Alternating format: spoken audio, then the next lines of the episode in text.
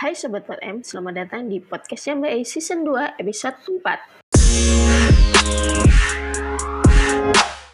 Oke, selamat datang sahabat Pot M. Hari ini gue, si Mbak E, kembali lagi dengan kalian semua di podcast gue, podcastnya Mbak E. Tapi hari ini kita kedatangan uh, salah satu teman gue yang ada di Bali uh, dan kita sekarang eh, ngobrol-ngobrol nih. Jadi lu, lu pada kagak dengerin gue cup-cup sendirian hari ini. Nah hari ini teman gue uh, yang akan berdiskusi dengan kita itu namanya Putu Elis. Nah Putu Elis ini teman-teman dia adalah seorang pengajar di bidang pariwisata. Nah, selamat datang Elis. Silahkan mungkin perkenalan dulu kali ya. Halo Mbak Rima, makasih banyak udah diundang buat cuap-cuap hari ini. Sama-sama. Uh, perkenalkan, perkenalkan nama aku Putri Elis Oktaviani. Aku adalah pengajar di bidang pariwisata khususnya untuk program keahlian perhotelan. Jadi aku udah ngajar dari tahun 2016 sampai sekarang masih dan berharap ke depannya semoga bisa berkontribusi juga di bidang pendidikan pariwisata khususnya. Luar biasa, amin amin, luar biasa teman gue. Oke, okay. nah ini jadi kita sebenarnya uh, gue sih lebih tepatnya. Gue itu uh, dari dulu itu selalu bertanya-tanya uh, pariwisata ini kan baru ya buat buatku sebenarnya gitu. Uh, aku baru belajar pariwisata itu ya sejak S2 gitu. Nah uh, kalau Elis kan agak sedikit berbeda gitu ya. Kamu dulu S1-nya adalah SPD jadi sarjana pendidikan tetapi khusus di jurusan pariwisata atau dia ngambil uh, konsentrasinya di ilmu pariwisata Nah, kalau boleh cerita, kenapa kamu ngambilnya itu jurusan pendidikan, kemudian konsentrasinya di pariwisata? Kenapa, Lis? Uh, jadi gini Mbak, aku backgroundnya itu kan dari sekolah menengah kejuruan nih. Hmm. Kebetulan, jadi aku berpikir aku harus ambil pariwisata juga untuk kuliah S1. Nah, antisipasi nih Mbak, gitu kan. Hmm. Kalau aku ambil pendidikan pariwisata, otomatis aku punya dua link nih outputnya. Kalau aku nggak bisa kerja di industri pariwisata, aku bisa ke pendidik di bidang pariwisata gitu. Maka dari itu aku pilih UNIF yang ada program studinya pendidikan pariwisata untuk hmm. S1 gitu. Kenapa pariwisata? Kenapa kamu milihnya itu? Apa karena kamu di Bali atau karena kamu emang tertarik aja gitu sama dunia itu? Karena aku tertarik sih Mbak, lebih tepatnya bukan karena aku di Bali, aku harus belajar tentang pariwisata, enggak ya. Hmm. Lebih tertarik dan lebih ingin memperdalam tentang pariwisata. Jadi SMK sudah dapat okay. S1-nya ingin memperdalam okay. gitu, tentang pariwisata dan nambah ilmu juga tentang pendidikan. Hmm, oke okay, oke. Okay. Nah, kemudian tadi kan kamu sempat bilang di perkenalan bahwa kamu itu uh, sekarang tuh mengajar uh, sejak tahun 2016 ya, Lis ya. Sampai yep, benar, Pak. sampai 2000 sampai sekarang sih kayaknya masih aktif. Nah, kamu ngajarnya itu kan tingkat SMA ya atau SMK ya, Lis? Yep. SMK Mbak SMK. SMK ya. Nah kalau boleh tahu nih, uh, kalau gue kan baru kenal uh, pendidikan pariwisata kan uh, di jenjang S2 gitu. Ada bedanya nggak sih Lis uh, pendidikan pariwisata di tingkat SMK dengan di tingkat misalnya S1 maupun S2 yang sudah kamu tempuh? Kalau misalnya kamu bandingkan gitu, ada bedanya nggak? Dan bedanya itu yang paling menonjol di mana? Jelas ada Mbak. Yang paling menonjol sih aku lihat di kurikulum ya Mbak ya karena gini ketika kita milih uh, jurusan pariwisata di SMK itu biasanya ada beberapa program keahlian namanya Hmm. Ada program keahlian usaha perjalanan wisata. Itu linknya lebih ke business and travel, Mbak. Terus hmm. kemudian ada juga yang namanya uh, perhotelan atau hospitality gitu. Mm -hmm. Jadi ketika SMK kita memang lebih banyak praktek untuk kurikulumnya dan okay. memang mm -hmm. ketika kita SMK itu dia lebih ke dasar-dasarnya aja Mbak Oke. Okay. Kemudian di S1 karena aku pendidikan pariwisata ya Mbak ya, jadi kurikulumnya itu lebih dikombin Mbak. Jadi hmm. belajarnya tentang pendidikan iya, hmm. itu bagaimana menjadi seorang pendidik, hmm. kemudian belajar psikologi juga, khususnya psikologi pendidikan dan ditambah mata kuliah hmm. konsentrasi di bidang pariwisata untuk di jenjang S1 dan untuk di jenjang S2 kebetulan kalau di Indonesia sendiri setahu aku sih belum ada mbak S2 pendidikan pariwisata. Oh, Maka okay. dari itu aku S2 kemarin ngambil pariwisata murni itu beda banget mbak. Mm. Jadi aku belajar ulang jujur di mm. S2 mm -hmm. karena basicnya di S1 aku cuma belajar tentang dasarnya aja. Oke. Okay. Karena itu mata kuliah konsentrasi dan tambahan. Jadi di S2 aku belajar lebih dalam, mm -hmm. khususnya lebih banyak dapat tentang uh, destinasi pariwisata sih mbak okay. kalau di S2 gitu ya. Okay. Uh, jadi emang benar-benar gitu ya? lebih ke teoritis ya, gitu bener. ya. Oke. Okay. Bener-bener. Uh -huh. uh, jadi bener. Jadi memang beda banget khususnya dari kurikulum. Kemudian dari sisi ini juga sih beda mbak kalau aku lihat ya. Apa tuh? Sisi apa sih pengelompokan mata kuliah itu beda-beda juga. Oke. Okay. Kalau di SMK kan mata pelajaran ya. Mm-hmm. Jadi kalau mata pelajaran di SMK dia lebih spesifik lagi, Mbak. Misal kita ambil usaha perjalanan wisata, itu ada ticketing yang kayak gitu, Mbak. Spesifik dia kalau hospitality dan perhotelan dia lebih ke manajemen makanan dan minuman, usaha. Jasa boga juga kadang ada, tapi dapatnya food and beverage service gitu. Lebih spesifik sih kalau S1 juga seperti itu. Oke oke oke. Jadi kalau misalnya uh, eh, S2 yang kamu tempuh itu dia lebih ke pendalaman pariwisata murni dan dia lebih ke riset, kemudian lebih ke teori-teori gitu ya dan juga yep. teori pengembangan terutama kalau misalnya dulu S1 itu lebih uh, konsentrasinya bagaimana mengkombinasikan antara pendidikan literally pendidikan dengan konsentrasi ilmu pariwisata kemudian kalau dulu SMK dia lebih ke masalah basic-basic pariwisata beserta lebih ke ini kali ya penjurusannya tuh lebih ke business and travel gitu ya Alicia business and travel sama hospitality mbak. Sama hospitality oke. Okay. nice. Nah kemudian nih Lis kalau misalnya tadi kita bahas uh, bedanya gitu ya dari SMK kemudian sampai kamu S2 nah kalau misalnya dari kamu ya dari sudut pandang kamu pribadi gitu sebagai seorang uh, pendidik ilmu pariwisata gitu uh, menurut kamu hal apa sih yang kayaknya kita itu perlu banget untuk ditingkatkan dari segi pendidikan ilmu pariwisata? Misalnya mungkin kalau kamu kan bergeraknya uh, di sektor SMK gitu ya. Itu apa? Kemudian kalau misalnya menurut kamu S1 dan S2 itu kira-kira kayaknya perlu ditingkatkannya itu dari segi apa? Menurut kamu gimana, Lis? Ini hampir relate ya Mbak antara SMK ke S1 Mbak. Dan kalau okay. untuk S2 kita kan lebih ke kajian teoritis ya kalau di hmm. pariwisata sendiri. Mm. Kalau SMK sama S1 sih ada banyak hal banget yang perlu diperhatikan dan ini PR untuk pendidikan pariwisata ke depannya Mbak. Tell me, Jadi, tell me, kasih tahu apa aja itu menurut kamu? Kurikulum Mbak, kurikulum Mbak. Jadi kurikulum untuk uh, di pendidikan pariwisata ya dari jenjang okay. SMK mm-hmm. itu mata pelajarannya selalu berubah-ubah oh. dari dulu zamannya kurikul uh, KBK, KTSP, kemudian K13 gitu kan sekarang.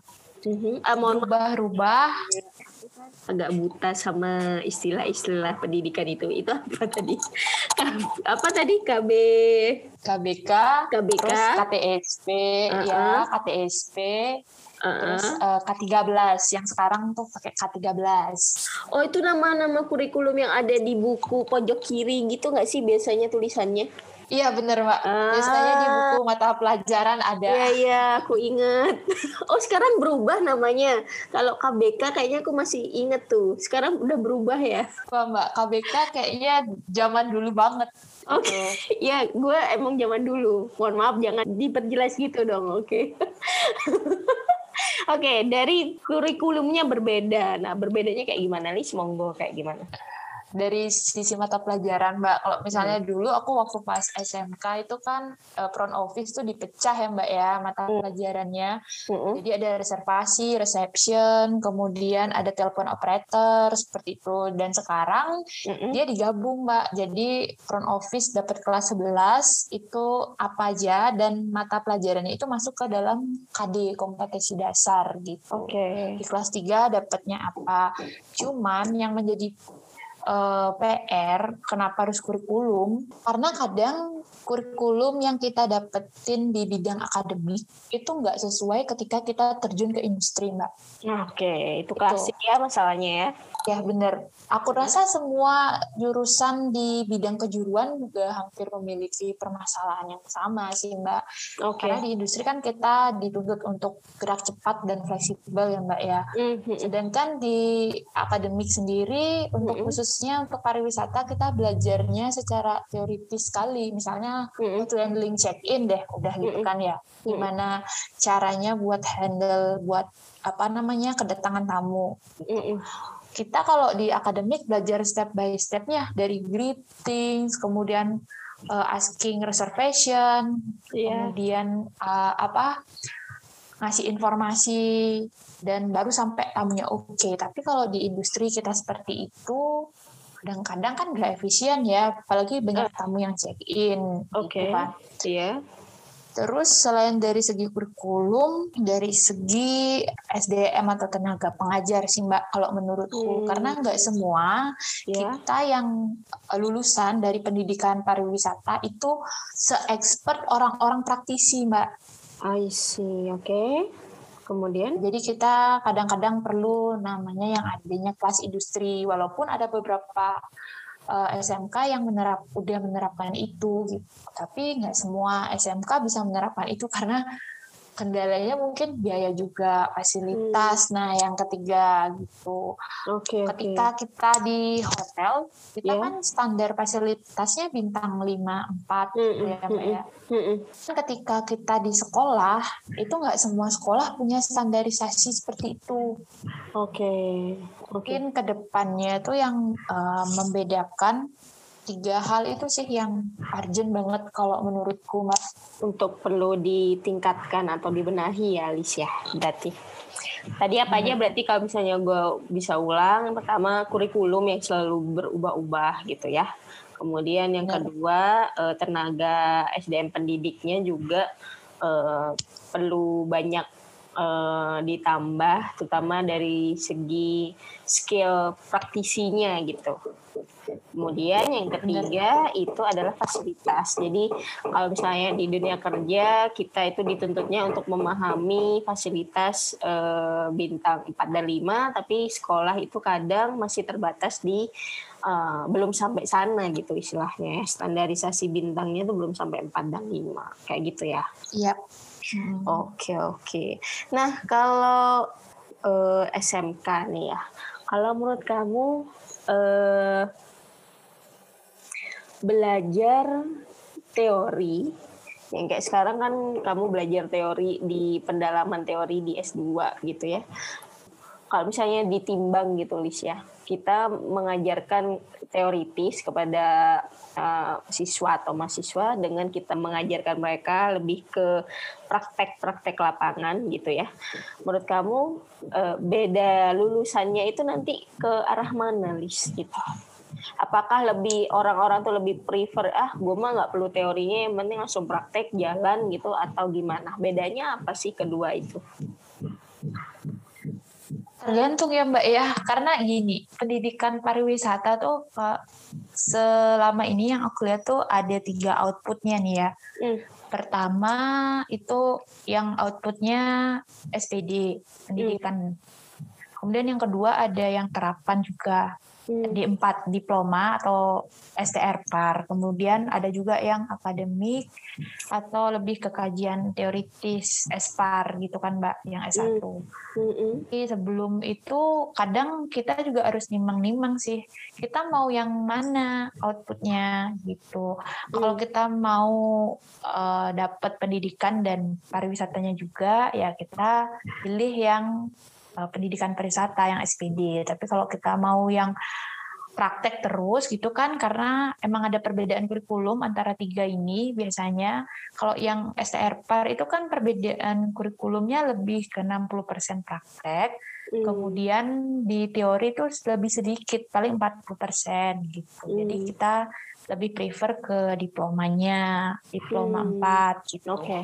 Kalau kita pengen kajian akademis yang benar-benar pariwisata murni banget gitu kan ya. Hmm. Ke lebih ke esparnya gitu, Mbak. Oke, oke, oke. Oke, menarik ya. Nah, kalau buat ke depan nih, menurut Elis gitu ya, harapannya di dunia pendidikan pariwisata secara umum gitu ya. Kamu punya harapan apa, Lis? Kamu menaruh harapan apa ke depannya gitu ya? Ini terlepas dari ada corona atau enggak ya gitu. Anggap aja kita di dunia yang ideal gitu. Enggak ada corona misalnya. Harapannya banyak univ mungkin yang buka jurusan pendidikan pariwisata ataupun pariwisata murni, Mbak. Hmm. Tuh karena susah juga ya mbak ya dari dulu juga uh, aku juga cari-cari sih beberapa univ yang buka buka jurusan pendidikan pariwisata ataupun pariwisata secara murni kalau untuk jenjang okay, S2 okay. okay. selama ini kan tadi udah aku uh, jelasin juga kan ya yang pendidikan pariwisata yang MPD gitu kan ya hmm. itu susah banget dan aku hmm. rasa nggak ada di Indonesia gitu baru oh. MPAR ataupun MTR PAR MTR PAR ini pun baru gitu hmm. Oke, okay, okay. kemudian hmm, apalagi ya harapan ke depannya terlepas dari corona. Kalau misalnya corona dimasukin jadi variabel, kamu apa harapannya? Ini ngomongnya variabel ya, soalnya gue ngomong sama anak kuantitatif banget.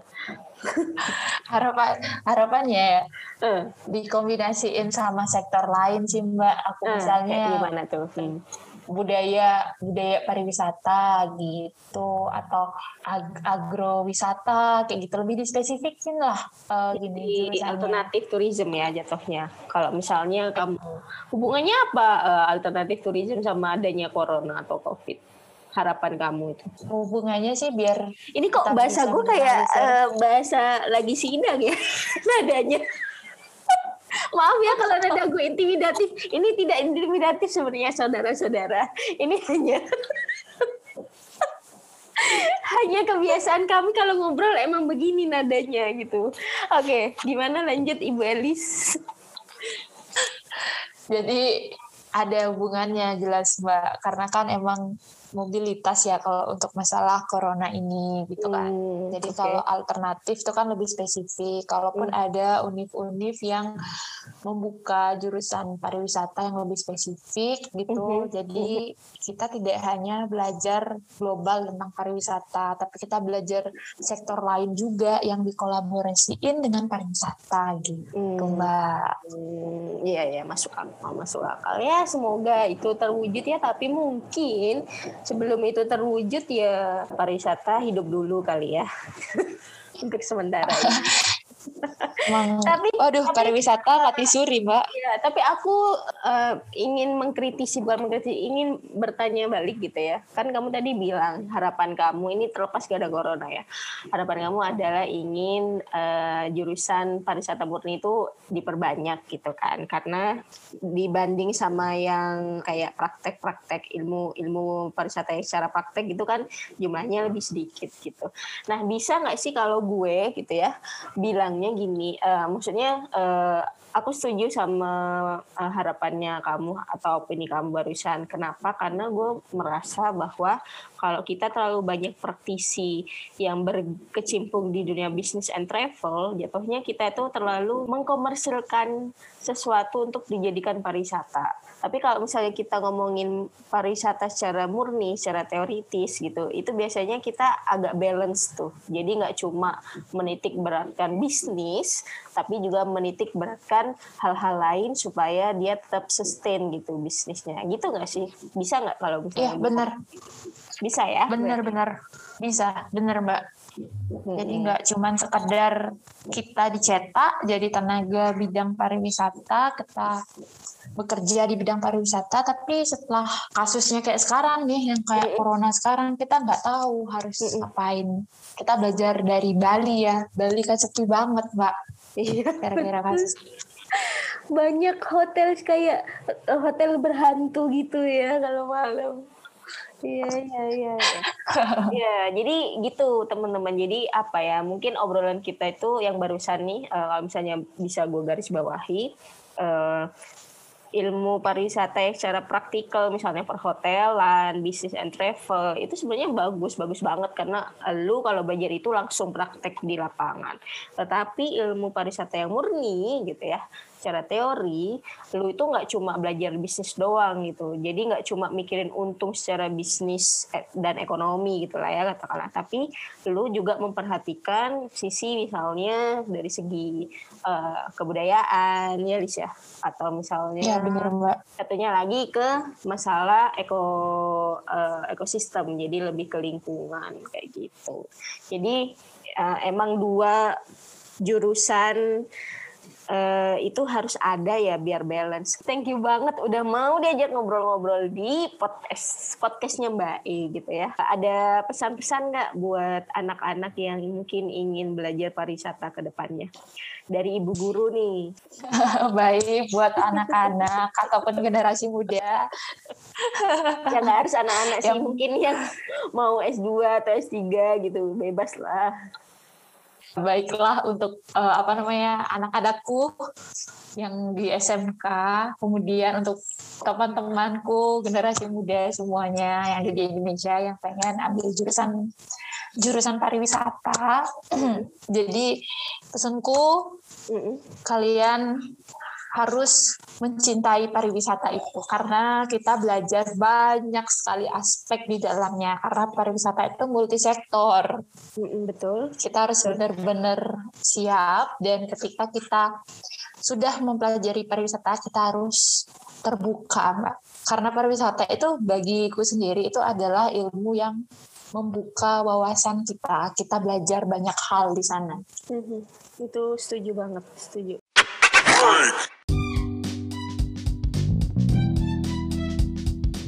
Oke, thank you banget Lis atas eh, sharing-sharing ilmunya, sharing-sharing pengalamannya. Tetap sehat di Bali.